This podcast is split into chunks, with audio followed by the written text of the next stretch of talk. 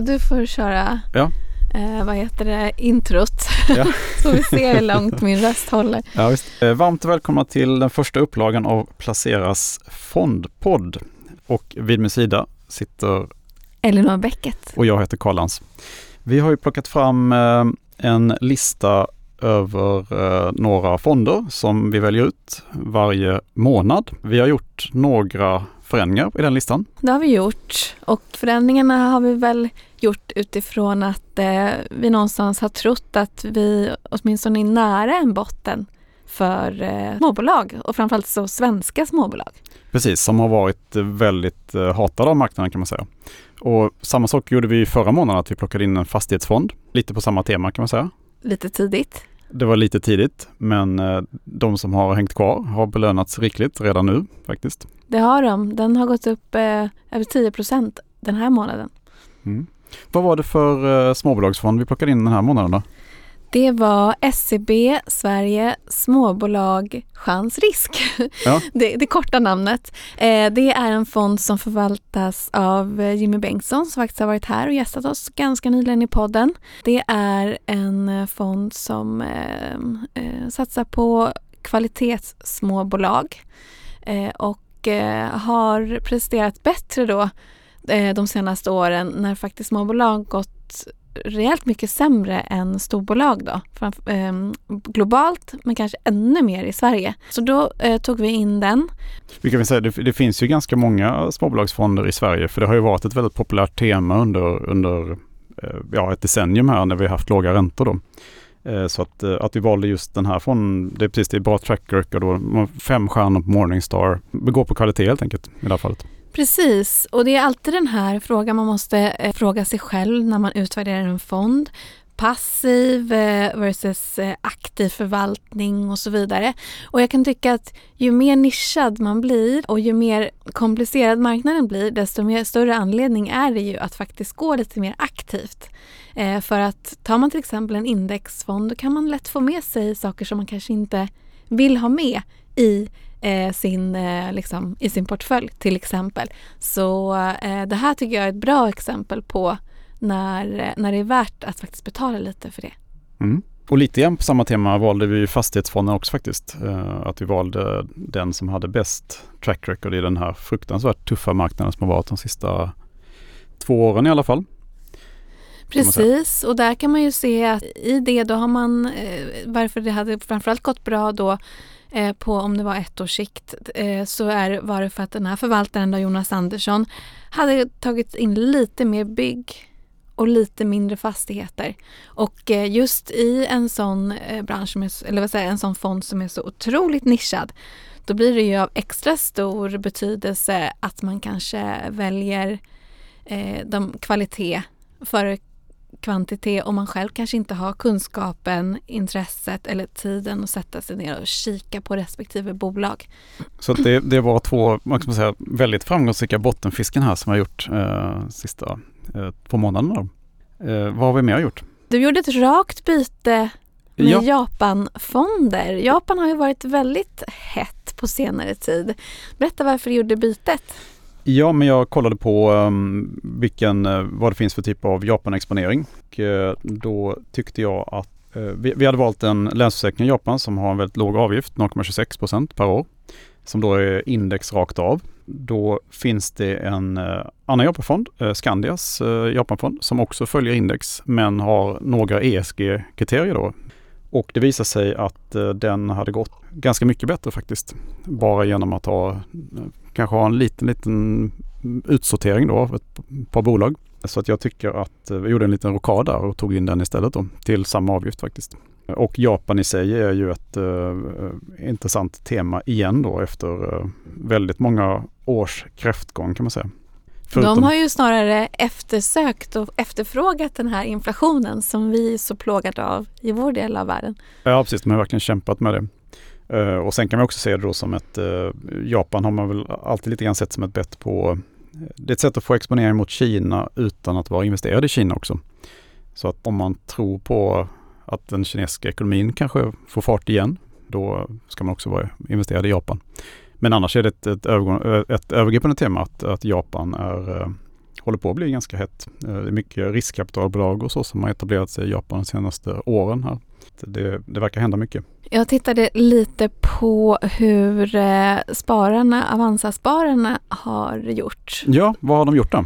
Eh, jo, de har ju gjort då precis som vi tyckte att man inte skulle göra. Det är så som man brukar säga att det alltid är också. Ja, ofta, ganska ofta i alla fall. Eh, det, de har eh, generellt sett inte köpt så mycket fonder överhuvudtaget då, utan man märker att de, spararna där ute kanske behöver pengarna till annat och det är man inte tycker det är så kul helt enkelt. Men eh, det, man har gjort det att man eh, relativt sett har köpt företagsobligationsfonder. Där kan jag ju säga att man, jag är beredd att hålla med för jag har ju då haft under en väldigt många år eh, varit väldigt skeptisk mot just företagsobligationsfonder. Men nu ser ju läget faktiskt ganska bra ut där. Vi har ju kuponger på hög nivå. Eh, vi har sett att eh, kreditspreadarna har ju liksom eh, man får helt enkelt betalt för den risken man tar på företagsobligationsmarknaden, vilket man inte fick tidigare. Och framförallt så kan vi ju se att räntan kommer att gå ner framöver.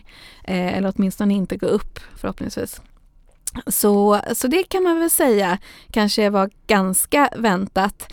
Eh, och att man då söker sig också mot lite mer säkerhet nu när det har varit så stökigt som det faktiskt var i oktober. Eh, det man säljer mest det är småbolagsfonder. Det kanske är det man, om man ser det lite konträrt på det, så det kanske är det man skulle ha köpt nu istället. Ja, för att det är, om man tänker liksom globalfond, globalfonder är otroligt tunga med Microsoft, Apple. Meta, de här, Apple, de här jättestora techbolagen som har gått så bra. Mm. Vi har också en väldigt svag krona. Så jag tycker ju att det är lite läskigt att vara så exponerad mot globalfonder som man faktiskt ofta är, inklusive jag själv. Så jag själv har ju styrt om mer mot Sverige, mer mot småbolag och fastigheter. Men det har inte spararna gjort. Vi får se om vilka det är som har rätt i slutändan. Risken är väl att, eh, att, eh, att det kommer ganska sent i när det väl har gått upp en del. Eh, att man då ser omsvängningen kan man gissa här. Ja, att de först vill se liksom att det har gått upp 10-20% kanske på indexnivå i de här olika tillgångslagen. Precis. Och, och det kan väl vara klokt också kanske. Men man, ja. man kanske också missar några av de här riktigt Bra stora dagarna, ja. uppställen. Vi hade väl någon dag i förra veckan till exempel där börsen gick upp 2,5 procent och vissa av de här riktigt nedpressade, väldigt bra egentligen, småbolagen steg 5-6 procent på en dag. Mm. Så ja. Är det något mer de har gjort?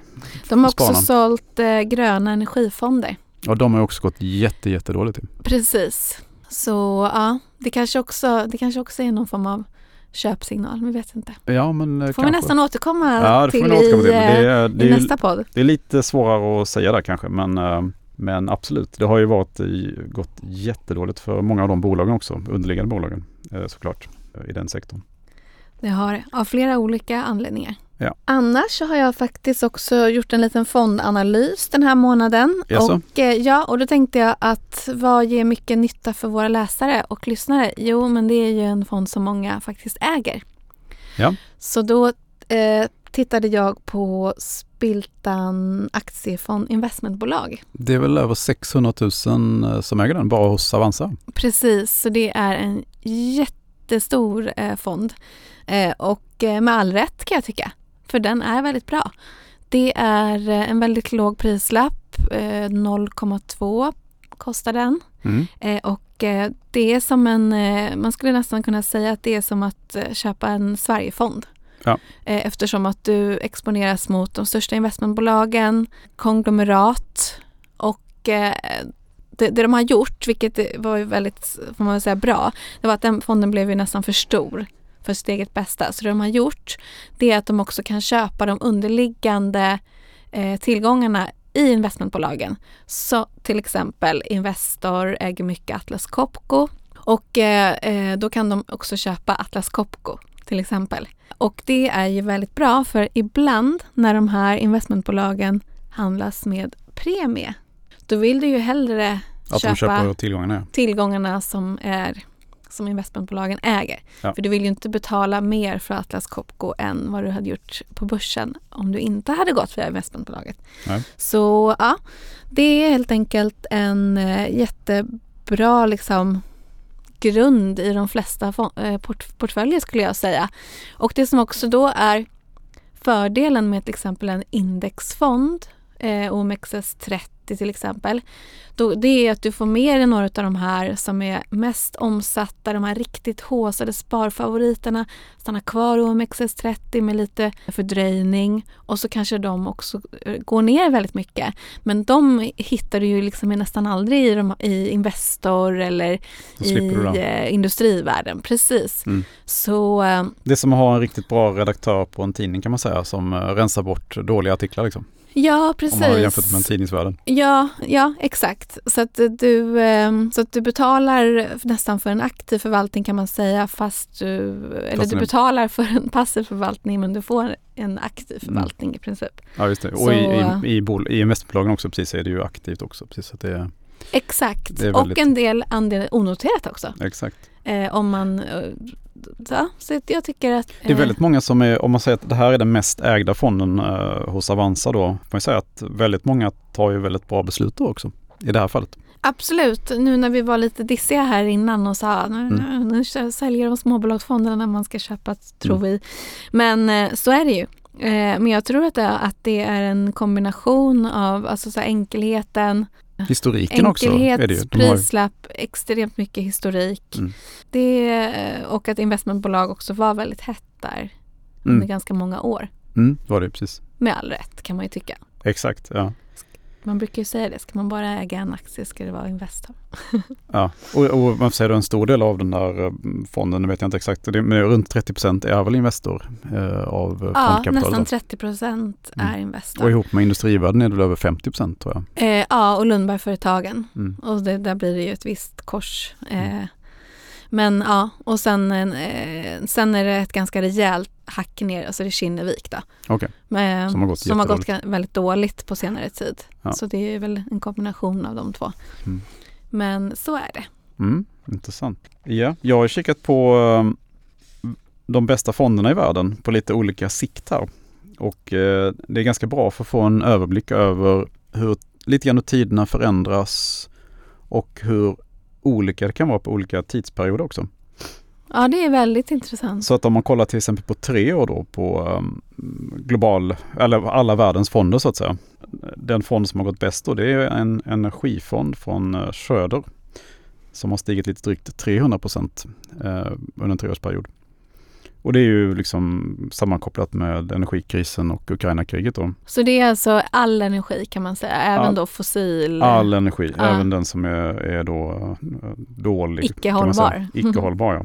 Och sen näst bästa fonden på tre år. Kan du gissa vad det är? Nej, det är ganska specifikt, men det är ett, ett, en uh, Turkiet-fond är det. Ja. Ja. ja, du tänkte säga det? Mm, näst, ja. Mm. ja. Men då kommer man ju från ganska dåliga tider precis innan kan jag tänka mig. Den är nog inte lika bra på fem års sikt va? Eh, den är ganska bra på fem år också faktiskt. Aha. Ja. Eh, däremot har den, ja i år har den också gått bra, men den har inte gått bra sista månaden här. Eh, det är HSBC GF Turkey Equity. Eh, och sen följer då, eh, efter det följer också energifonder och Turkietfonder. Eh, så, så på, och Indienfond finns med här också, över de bästa fonderna på tre år.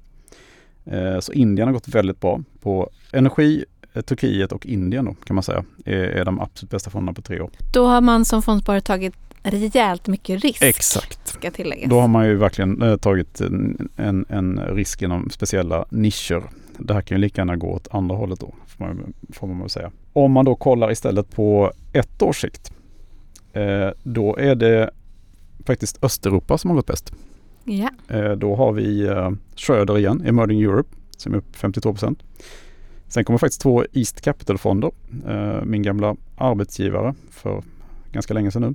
Och det som framförallt har gått bra här då det är ju ehm, det är ju då Turkiet och sen är det eh, också grekiska börsen har gått otroligt bra i år. Och så kan man tänka sig att det är en del av de här Östeuropafonderna eh, eh, som också gick väldigt, väldigt, väldigt, nedtryckt ja, i samband med att kriget började där. Ja, För... ja de har varit väldigt, eh, det är något som, som eh, många har sålt av då och eh, kurserna har varit väldigt pressade. Och så ser man återhämtningen nu då, precis.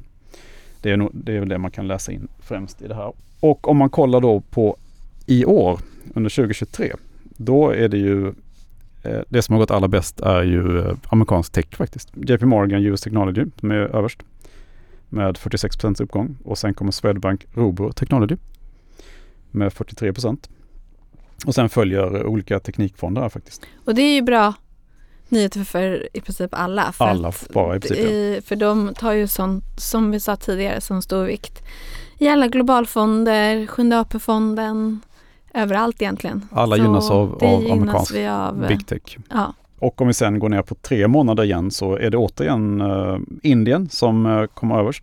Uh, blandat med Turkiet då. Så att uh, i den, på det korta perspektivet här så har Indien igen tagit kommandot då kan man säga.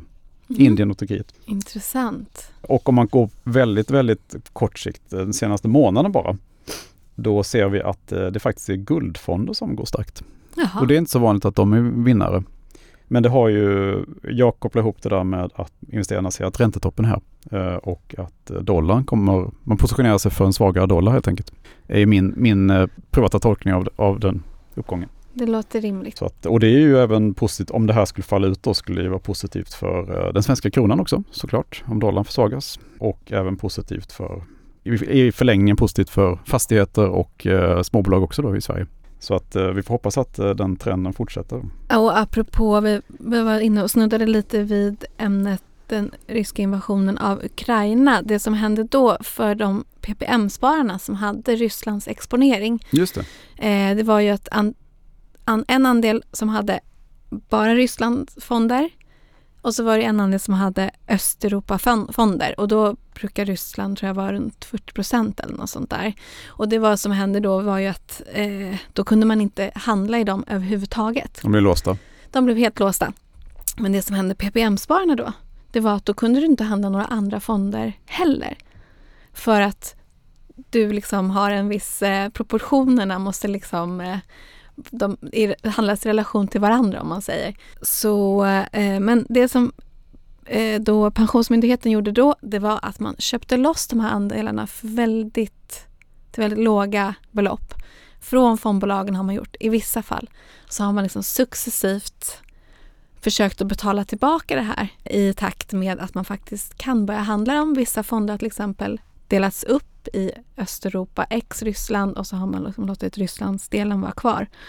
Eh, och eh, även de här Rysslandsdelarna av fonderna har ju ibland haft lite kassa. De har ibland haft någon aktie som kanske handlats på någon annan börs utanför Ryssland och då har man kunnat få loss lite pengar.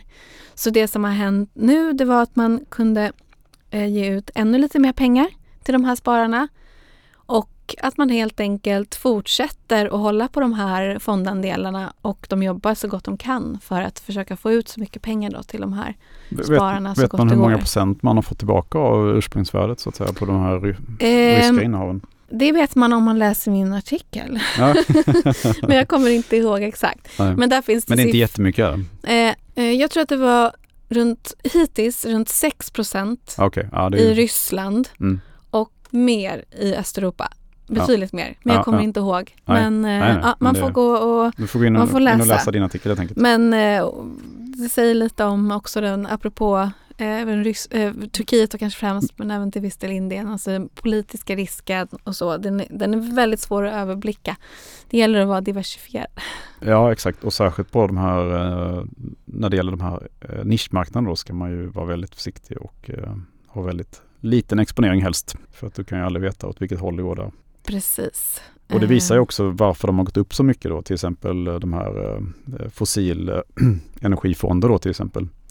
Jag kommer ihåg att jag skrev om världens mest hatade aktier för ungefär tre år sedan.